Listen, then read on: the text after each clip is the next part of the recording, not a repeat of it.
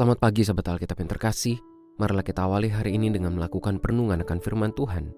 Bacaan Alkitab kita pada hari ini berasal dari Yuda 1 ayat 8 sampai 13. Kendati demikian, tukang-tukang mimpi ini juga mencemarkan tubuh mereka dan menghina kekuasaan Allah, serta menghujat makhluk-makhluk surgawi. Bahkan pemimpin malaikat Mikael dalam suatu perselisihan bertengkar dengan iblis mengenai mayat Musa tidak berani menghakimi iblis itu dengan kata-kata hujatan, melainkan berkata, kiranya Tuhan membentak engkau. Namun mereka menghujat segala sesuatu yang tidak mereka ketahui. Dan justru apa yang mereka ketahui dengan nalurinya seperti binatang yang tidak berakal. Itulah yang mengakibatkan kebinasaan mereka. Celakalah mereka karena mereka mengikuti jalan yang ditempuh Kain dan demi imbalan menceburkan diri ke dalam kesesatan Bileam dan mereka binasa dalam pemberontakan Korah. Mereka inilah noda dalam perjamuan kasihmu, tempat mereka tidak malu-malu melahap dan hanya mementingkan dirinya sendiri.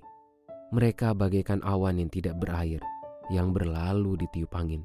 Mereka bagaikan pohon-pohon yang dalam musim gugur tidak menghasilkan buah. Pohon-pohon yang tercabut dengan akar-akarnya dan mati sama sekali. Mereka bagaikan ombak laut yang ganas, yang membuihkan keaiban mereka sendiri. Mereka bagaikan bintang-bintang yang mengembara, yang baginya telah tersedia tempat dalam kegelapan yang paling kelam untuk selama-lamanya. Penulis surat Yudas sangat menyoroti perilaku yang ditampilkan oleh para pengajar palsu yang ada di tengah jemaatnya saat itu. Terdapat kepongahan dalam sikap iman yang mereka tampilkan kepada jemaat yang sangat berbahaya bagi pertumbuhan iman jemaat itu sendiri. Bahkan ia membandingkannya dengan Mikael, sosok malaikat Tuhan yang tidak tampil arogan dalam perselisihan dengan iblis. Namun para pengajar palsu ini justru dapat dengan penuh kepercayaan diri menunjukkan kesombongan dan keangkuhan dalam menyikapi orang lain. Mereka menganggap bahwa mereka memiliki kuasa untuk menghakimi dan merendahkan kondisi iman orang lain. Sikap iman yang aku seperti itu sangatlah berbahaya, tidak hanya untuk diri yang bersangkutan tapi juga terhadap kondisi iman orang lain di sekitarnya. Keangkuhannya dalam beriman dapat menjadi penghambat bagi proses pertumbuhan saudaranya sendiri. Itulah mengapa penulis surat Yudas begitu menginginkan jemaat agar berhati-hati terhadap kehadiran orang-orang yang demikian di tengah mereka. Sahabat Alkitab, sikap pongah yang kita hasilkan dalam lingkup hidup beriman merupakan hasil dari narsisme dan kekeliruan cara pandang dalam menghidupi iman sebagai umat Tuhan.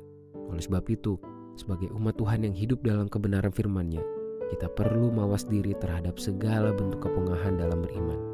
Hal ini ibarat penyakit yang menggerogoti kesehatan iman kita secara personal maupun kesehatan iman orang lain.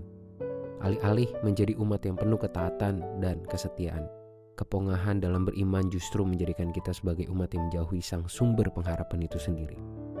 Kita perlu mencermati diri dari segala wujud kepongahan dalam iman, agar tidak terus merugikan diri maupun orang lain yang semestinya mengalami pertumbuhan iman sebagai umat Tuhan. Marilah kita berdoa. Tuhan, biarlah firman-Mu yang kami renungkan pada hari ini meresap ke dalam hati dan pikiran kami, membentuk kami juga untuk menjadi umat yang penuh dengan kerendahan hati. Jauhkan kami Tuhan dari segala wujud kesombongan, kepongahan dalam menjalani kehidupan beriman kami sebagai umat-Mu. Hanya dalam nama Tuhan Yesus Kristus kami berdoa dan menyerahkan kehidupan kami. Amin.